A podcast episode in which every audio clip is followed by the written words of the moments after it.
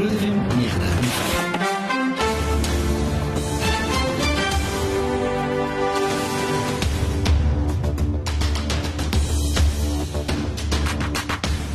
Maar welkom by die Dinsdag gaan. Dis uh, bykans 14 minute of bykans kwart oor 8 op die Dinsdag gaan. Tyd vir reg of verkeerd. Saam met Natalie is Mia Die Jager, sy's 'n assosiaat by Adams and Adams. En vanaand gaan ons 'n bietjie oor die gesondheid van die gesondheidsorgsektor. Probeer daai bietjie baie vinnig sê. Gesels. Baie dankie Mia vir jou tyd dat jy vanaand gestaan het om bietjie meer te kon vertel oor onder andere die groot verslag wat loop binne of uh, die afgelope ruk bekend gestel het. Hmm. Dankie Pieter, is lekker om by julle te kuier vanaand. Meer vertel 'n bietjie meer oor net 'n bietjie konteks te skep van waaroor ons vanaand gaan praat. Die wat is die doel van die mededingingskommissie?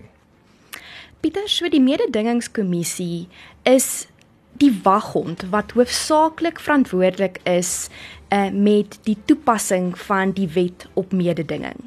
So die mededingingskommissie is verantwoordelikheid vir 'n hele reeks van van ondersoeke, uh veral in verband met sekere samesmeltings, ehm um, sekere vrystelling aansoeke en dan ook markondersoeke wat ons vandag spesifiek oor praat.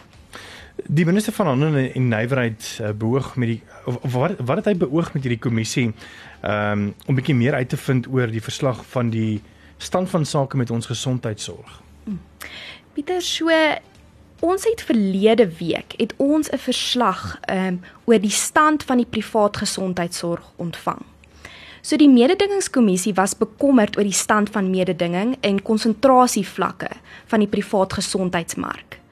Gesonde kompetisie lei gewoonlik tot laer pryse, beter dienste of produkte, nuwe toetreders, meer keuses en meer innovasie. Maar in die gesondheidsmark was daar baie min van hierdie kenmerke van gesonde mededinging. So in terme van die wet op mededinging, kan die mededingingskommissie of 'n minister 'n markondersoek initieer as daar rede is om te glo dat mededinging in daardie mark verhoed of beperk word. So in 2014 het die kommissie in samewerking met die minister 'n markondersoek geloods wat beoog het om 'n diagnose te gee oor die stand van kompetisie in die privaat gesondheidsorgmark. Maar saam met die diagnose moet die markondersoek bevindinge maak om die probleme wat hulle geïdentifiseer het reg te maak. So in kort wat die verslag beoog het, was te, om te identifiseer hoe groot die probleem is en praktiese oplossings te gee hoe om die probleem aan te spreek. Hoekom dink jy dit so lank gevat? Want hy het nou al 6 jaar terug gesê hoor hier sou ons kom ons doen 'n 'n bietjie navorsing oor hierdie. Hoekom het dit so lank gevat dink jy? Uh toe hulle destyds hierdie verslag aangebied het, het een van die paneellede 'n grappie gemaak en gesê toe hulle begin het met hierdie ondersoek, het sy op kraamverlof gegaan. En die einste babatjie is nou al amper op pad graad 1 toe. So sure. dit gee net vir jou 'n idee hoe lank dit gevat het. Hmm. Maar Pieter, dit is 'n baie komplekse ondersoek. Ehm uh, daar moes gekyk geword het na baie rolspelers en hierdie rolspelers moes ook besluit tot watter mate hulle inligting vir die mededingingskommissie gaan beskikbaar stel. Daar was ook allerlei tussen in regsgedinge oor ehm um, die konfidensialiteit wat sekere van die inligting wat aangevra was ehm um, teen te probeer staan en so te kom by 'n verslag wat hulpvaardig is, maar wat nog steeds uh, die partye wat betrokke is se reg tot sekere konfidensiële inligting uh, beskerm het. So dit is nou maar een van die klein redes hoekom ons so lank gevat het, maar as jy ooit na die verslag kyk, jy sal sien dis dis baie bladsye en baie stelle data. So so ons het so 'n bietjie simpatie dat hierdie ondersoek uh, byna 6 jaar gevat het om te finaliseer. Maar gewoonlik sou mense dink dat dat so 'n verslag wat dan nou publiek is, ehm um, half bietjie meer publiekvriendelik is, want toe ek nou die die verslag gekry het, julle van gestudeer het laasweek, het ek gedink, "Oké, okay, nee, sê, kom ons klik gou vinnig op die link en dan laai ek gou vinnig hierdie PDF af en dan print print ek hom sommer." Mm. Maar voor ek hom geprint het, het ek gedink, "Nee, wat ek gaan nou verseker nou nie hele Sabie se bome afsaag vir papier om hierdie dokument te bring nie, maar is baie lywig." En dit lyk vir my eintlik dis dis half so saamgestel dat ons of ek wat dan nie 'n prokureur en en 'n layman is, nie regtig dit sal kan verstaan nie. Ja. Pieter, ek stem saam met jou daaroor. Ek dink die mededingingskommissie het eh, 'n uh, goeie werk probeer doen om baie moeilike inligting af te probeer breek. Uh, maar ek stem wel saam met jou dat uh uit die publiek se oogpunt uit is dit moeilik om so reuse verslag te verteer wat die mededingingskommissie wel beoog om te doen is om sekere ehm um, uh presentations en sessies te reël met uh rolspelers wat dalk sal kan help om hierdie verslag net meer verstaanbaar vir die publiek te maak. Ons is ook Facebook live en ons wil graag by jou hoor. Dink jy daar is 'n gesonde kompetisie in die gesondheidsorgmark tans? Nou weet gerus ons, ek sien uh, Philip Heymans daar, dankie vir jou kommentaar en terugvoer daaroor. Nou weet 'n bietjie vir ons, ons hoor graag van jou. Jy kan ook vir ons 'n WhatsApp stuur as jy graag enige vrae het oor ons gesondheidsorg en natuurlik hierdie verslag as jy daai lywige verslag gelees het. Ehm um, stuur gerus ons 'n WhatsApp by 061 610 4576 en onthou standaard terwyl geld. Ons is net hier na weer terug. Reg verkeer op Groot FM 90.5.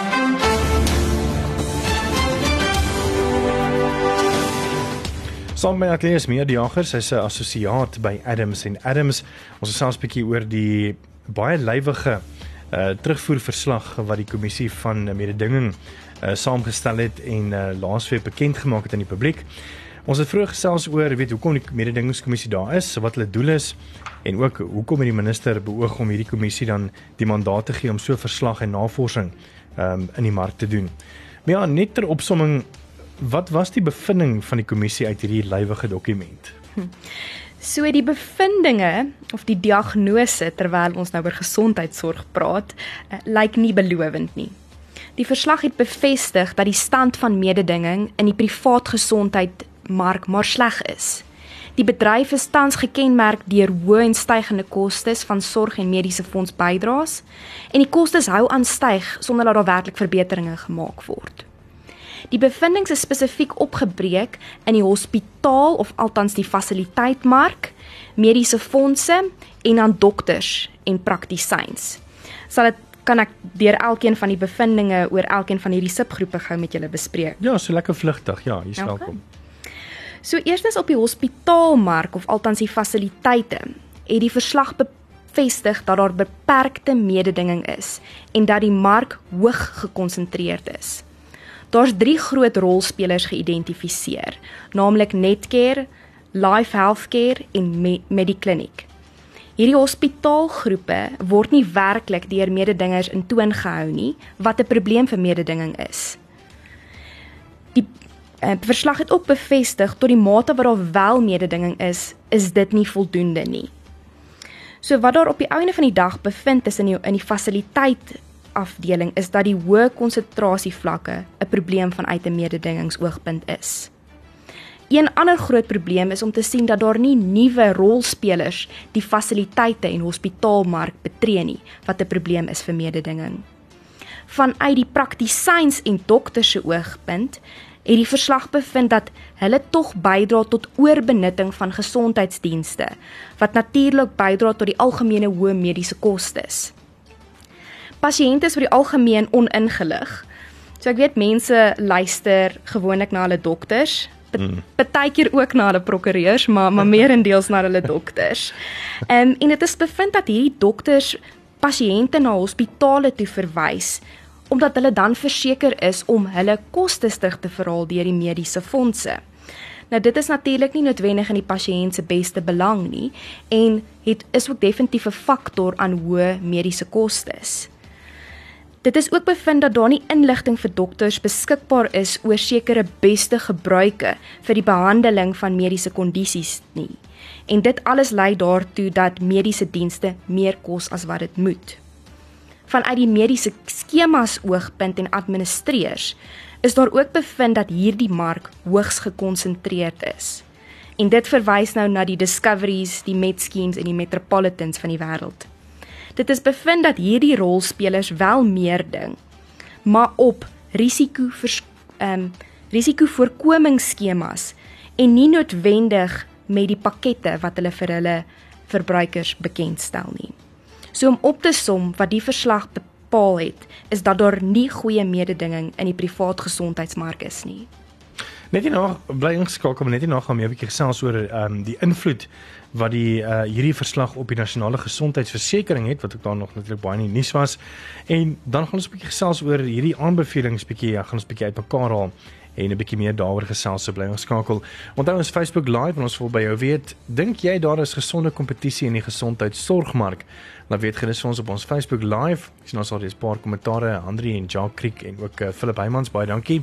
Uh, of jy kan vir ons 'n uh, WhatsApp stuur by 061 610 4576 en onthou standaard tree geld. Reg of verkeerd op Groot FM 90.5.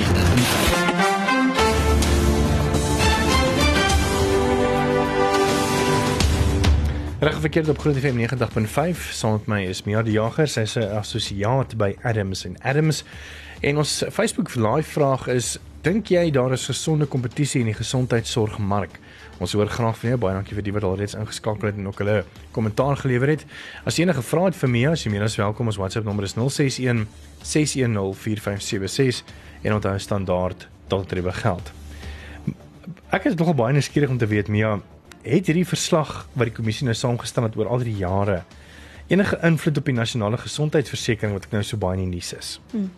Pieter, ek dink van die begin af is dit belangrik om te noem dat hierdie twee prosesse oor die verslag en die nasionale gesondheidsversekering inisiatief is twee onafhanklike maar tog tot 'n mate parallelle uh, prosesse. So in hierdie verslag word daar gereeld verwys na die nasionale gesondheidsversekering. Maar tot 'n beperkte mate. Ek sien persoonlik nog 'n lang opdraande pad vir die nasionale gesondheidsversekering wet voordat dit in werking gaan kom. Selfs as alles glad verloop, sal hierdie wet eers in 2026 in werking wees. En ons weet dat baie belanghebbendes gaan hierdie wetsontwerp probeer teenstaan. Maar die doel van die nasionale gesondheidsversekeringswet gaan wees om 'n verenigde gesondheidsorgstelsel te skep om gesondheidsorg meer bekostigbaar te maak en ook meer toeganklik vir die hele bevolking. So die verslag en die nasionale gesondheidsversekering wetsontwerp leen in dieselfde rigting wat beteken wat beteken dat sekere van die voorstelle in die verslag by die nasionale gesondheidsversekering wet geïnkorporeer kan word maar omdat dit nog 'n hele paar jaar weg is, dink ek die verslag gaan nie binnekort 'n wesenlike invloed op die nasionale gesondheidsversekeringswet ontwerp hê nie. Kom ons gesels 'n bietjie oor die aanbevelings van die kommissie. Nou daar's 'n paar van die uh, aanbevelings wat hulle nou gemaak het na hulle jare se se navorsing. Een is om 'n onafhanklike en 'n gefokusde reguleerliggaam vir die privaat gesondheidsinstansies uh, daar te stel. Wat beteken dit in in layman's terms. Pieter, so die naam wat die verslag vir hierdie reguleerder gee, word verwys na die Supply Side Regulator of Healthcare. Ek gaan dit nou vorentoe net die SSRH noem, soos wat dit in die verslag hmm. uh, na verwys word. So die verslag stel voor dat daar 'n uh, beter regulering of amper 'n waghond aangestel word om die privaat sorgmark te reguleer. So wat die SSRH gaan doen, is hulle gaan help met die beplanning en lisensiering van sekere hospitale. Hierdie lisensiestelsel is spesifiek genoem dat dit op behoeftes gegrond moet word en hierdie nuwe stelsel moet mededinging en markkonsentrasie in ag neem. Hierdie SSRH gaan ook onderhandel oor maksimum prys van sekere minimum gesondheidsdienste en help om sekere beste praktykbenaderings te bepaal vir die behandeling van sekere mediese toestande. Dit gaan nogal baie ehm um, amper soos die Engelsman sê 'n balancing act wees want ek meen kom ons sê hulle lisensieer nou 'n 'n 'n mediese instansie, byvoorbeeld 'n nuwe kliniek of hospitaal En natuurlik is daar standaard tariewe wat nou wat wat hulle nou daar gaan hê wat in die industrie is, byvoorbeeld kom ons sê 2.500 'n dag. Ek meen dit moet tog geregverdig word weet vir die susters se salarisse, mm. uh die higiëne en die toerusting wat hulle gebruik word veral in die trauma eenheid en al die goede tel op. So dink jy die terminaal gaan haar vir kan sê en sê hoorie maar jy kan nie so baie vra vir die goed nie. Ehm um, of of wat dink jy? Pieter, jy's heeltemal reg en dit is juist die doel van hierdie SSRH die feit dat dit enige verdere hospitale, enige verdere ontwikkelings of die uh, opening van klinieke alles op behoefte gebaseer moet word en nie noodwendig op profite of winste so sekere van die groter hospitaalgroepe mag beoog nie. So alles kom neer op behoefte en as mens kyk na suiwer behoefte behoort mens die pryse wat daarmee verband hou um, te kan regverdig. En so gepraat van pryse en sulke goede. Wat beoog hulle met die en, en hulle noem in die verslag um multilateral negotiating forum. Ja. Wat beteken dit? so hierdie forum sal ook onder hierdie SSRH val en die voorstel hou verband met mediese fondse en praktisynstariewe.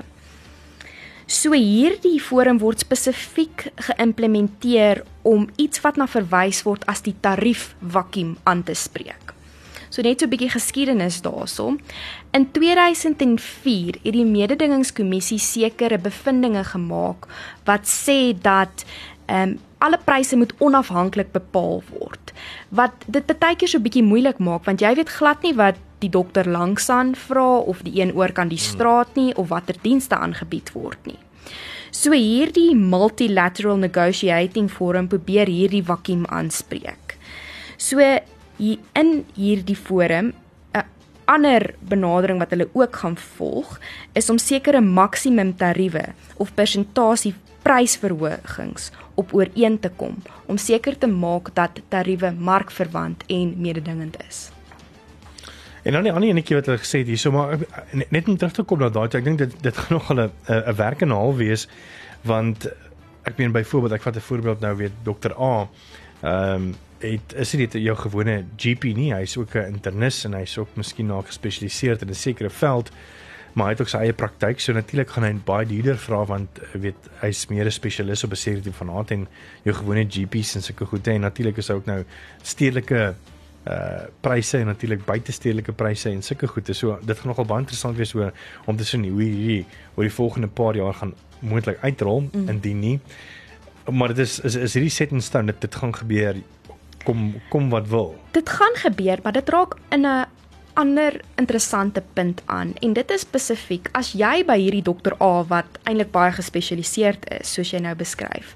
Uh vir 'n vinnige ehm um, net griepmedikasie wil gaan kry, dan jy as pasiënt het nie noodwendig die inligting om te weet maar hierdie dokter is so gespesialiseerd en dat hy moontlik hierdie verskriklike prys vir jou kan vra nie. Mm. Maar as hierdie inligting ook meer beskikbaar is, dan kan jy weet. So dokter A is definitief goed om te sien as ek 'n spesialis benodig. Maar kom ek gaan liewers net na dokter B oor kan die pad, net om vir my antibiotika voor te skryf vir hierdie hierdie kuggie. Iets mm. van die aard. en dan praat hulle ook van nasionale gesondheid inligting databasis. Is dit net van gebruikers of is dit maar in die algemeen van die praktyke? Dis 'n kombinasie van verbruikers, pasiënte, maar ook vir dokters en praktisyns. So daar is op die oomblik geen openbare maatstaf vir die gehalte van gesondheidsorg nie. En dit is daarom moeilik vir pasiënte, mediese fondse en praktisyns om ingeligte keuses uit te oefen in terme van gehalte en prys. Vir praktisyns byvoorbeeld is daar geen standaard metodes voorgeskryf om gehalte sorg uh, of metodes wat hulle toepas te meet nie.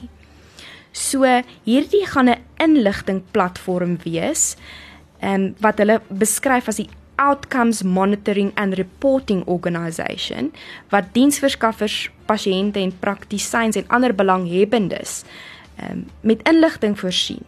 En die bedoel is alles om die gesondheidsorg se standaarde te verbeter deur hierdie inligting platform te skep. Dis alles goed en wel dink ek, maar dit dit klink amper vir my asof dit maar net weer ek dink as mense by die huis sit en luister dan sê jy ja, dis net weer nog 'n kommissie, nog 'n forum, nog geld hier, nog daar en op die einde van die dag dan gebeur niks nie. Hmm. Maar ek bedoel ons sal seker nou sien hoe hierdie, hierdie gaan uitrol nê. Ja, Pieter en dit is ook baie van die kritiek wat hierdie verslag die laaste uh, week of in 'n half ontvang. Daar is baie goeie voorstelle hierso en as alles goed geïmplementeer word, kan dit regtig 'n verskil aan die gesondheidsmark maak. Maar sekere belanghebbendes, uh, byvoorbeeld vakbonde het gesê maar hierdie voorstelle sit sonder tande.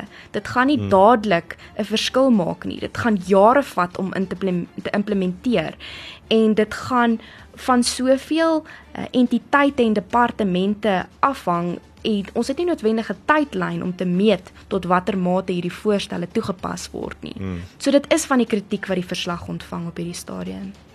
Ons is net nou terug en dan gaan ons net gou nog 'n aanbeveling van die kommissie bespreek oor die benadering oor creepy mergers. En dan gaan ons 'n bietjie by julle Facebook uh, live uh, terugvoer gee. Baie dankie Jacques. Ek sien Christel Skoom het ook nou daar kommentaar gelewer. En ons Facebook live van Trek op Groot FM 90.5 op Facebook en jy kan ook vir ons 'n WhatsApp stuur by 061 610 4576. Onthou standaard, daar tree my geld ons is net hier na terug. Reg verkeer op Groot FM 90.5.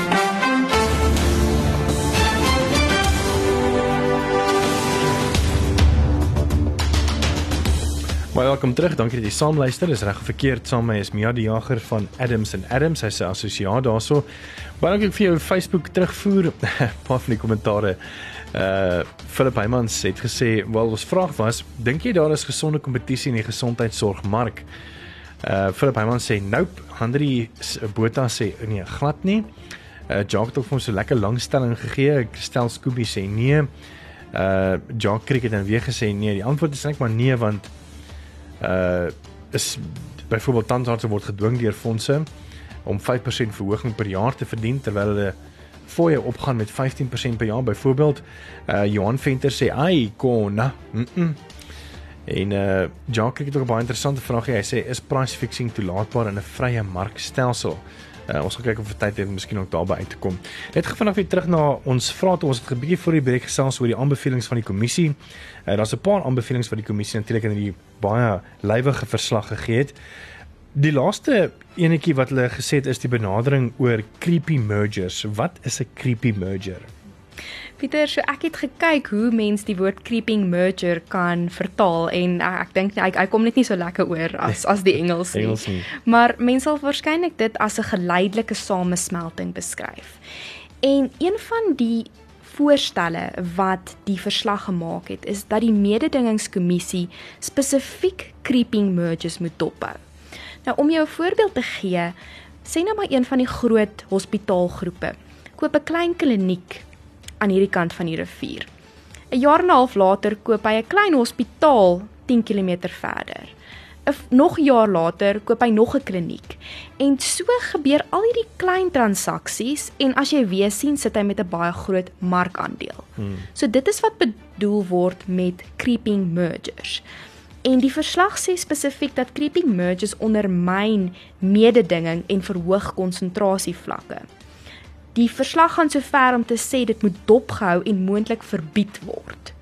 So dit is interessant om te sien dat die verslag so sterk benadering op die term creeping mergers wat die eerste keer ook in 'n samesmelting tussen twee hospitale in die Suid-Afrikaanse mededingingstribunaal gebruik was. Dit is baie interessant nê, nee, want 'n mens moet tog ek ek probeer net my my hoetjie vir die vir, ek as gebruiker aansit en natuurlik wil ek nou my hoetjie aansit vir die ou wat nou die besigheid bestuur en 'n hospitaal wil koop want tog is dit 'n goeie ding as as 'n 'n nasionale maatskappy uitbrei en groei uh, wat beteken dat weet 'n sukkelende kliniek wat natuurlik nou daar was en gekoop word anders sou hulle hom nie, nie nie gekoop het nie want want die persone sou seker nie verkoop het as hulle baie goed gedoen het nie. Ja. So nou koop hulle hierdie sukkelende kliniek weet en daar word natuurlik opgraderings gedoen en die standaard van sorg gaan natuurlik op. So ja, dis nog 'n baie moeilike ding hierdie so ek sê ek spreeks nie op hierdie paneel van mense van hierdie ding moet balanseer nie want mense wil tog hê private instansies moet ook kan wins toon en natuurlik kan groei en die meer maar nie nie ten koste van ons verbruikers nie. Wil ek ja. nou dieselfde asem sê met my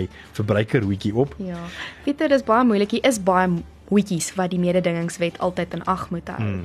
En so baie soos mense daarna moet kyk van entiteite, hospitale, verbruikers, ehm um, nuwe toetreders tot die mark, is die hoof doel van die mededingingswet om mededinging te beskerm. Hmm. So hier is al hierdie belange wat hulle ook in ag moet neem, maar die hoofdoel is om mededinging te beskerm. Ek dink dit beantwoord ook dan sommer Jacques Kriek se vraag waar sê is price fixing toelaatbaar in 'n vrye markstelsel nie dit is nie.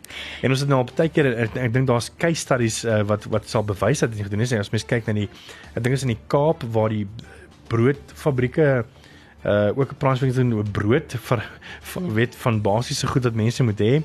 Uh ek kan ek kan seker nog 'n paar goed dink wat wat die die die kommissie van mededinging uh half op die boeke gelê het nie waar nie? Ja, Jacques, ek ehm um, so 'n bietjie gratis regsadvies vir Jacques. Uh, price fixing is nie toelaatbaar nie. Dit is teen die mededingingswet tensy jy 'n uh, vrystelling aansoek bring.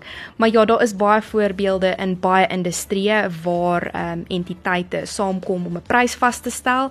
Ehm um, maar 'n baie maklike en vinnige antwoord is dit is teen die wet. So asseblief hou verby.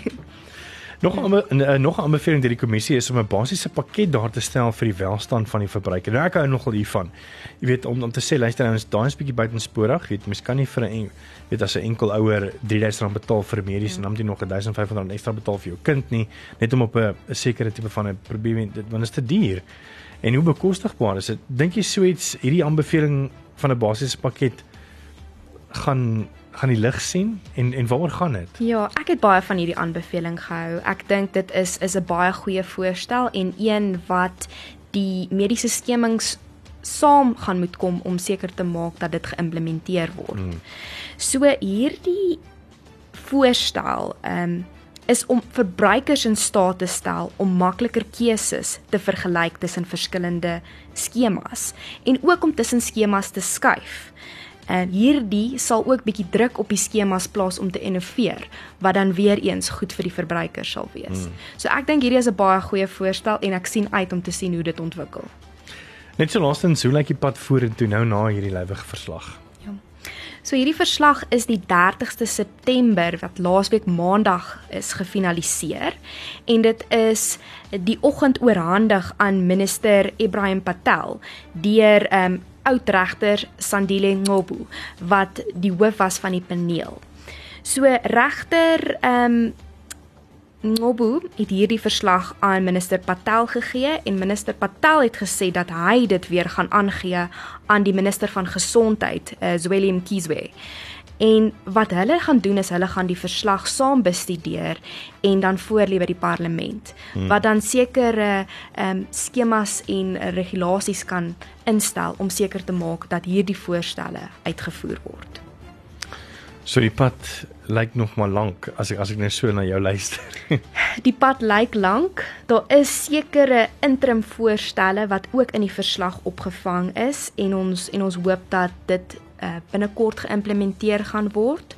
Ons is wel nog ook in die gebied waar hierdie verslag as 'n as 'n geheel teengestaan kan word. So ons hou dit nou dop.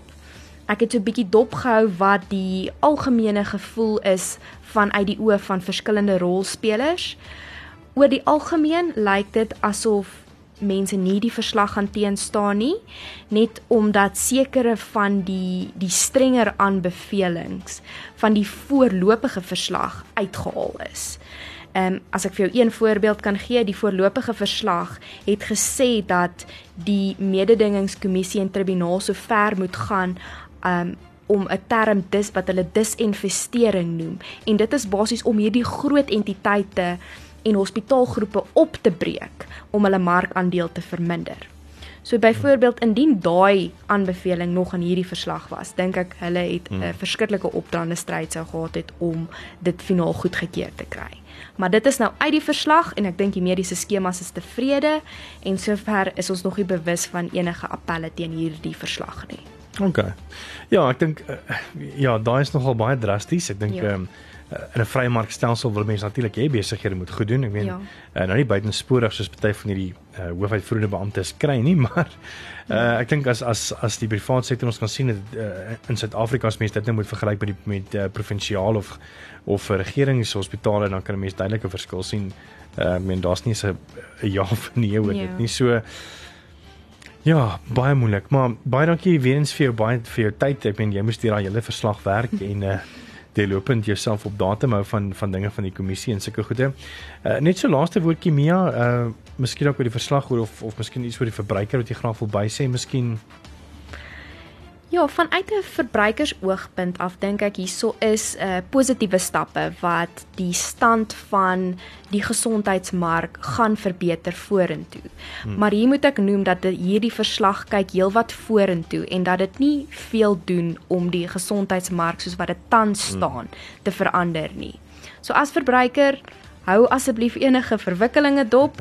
Dit kan 'n invloed hê op jou mediese uh fondse premie of wat jy betaal vir jou doktersafsprake. So hou dit dop en en as jy vra het, kan jy met ons kom gesels. Dis Mia die Jager, sy is assosiaat by Adams en Adams. Weens baie dankie vir die tyd, hoor. Dankie Pieter.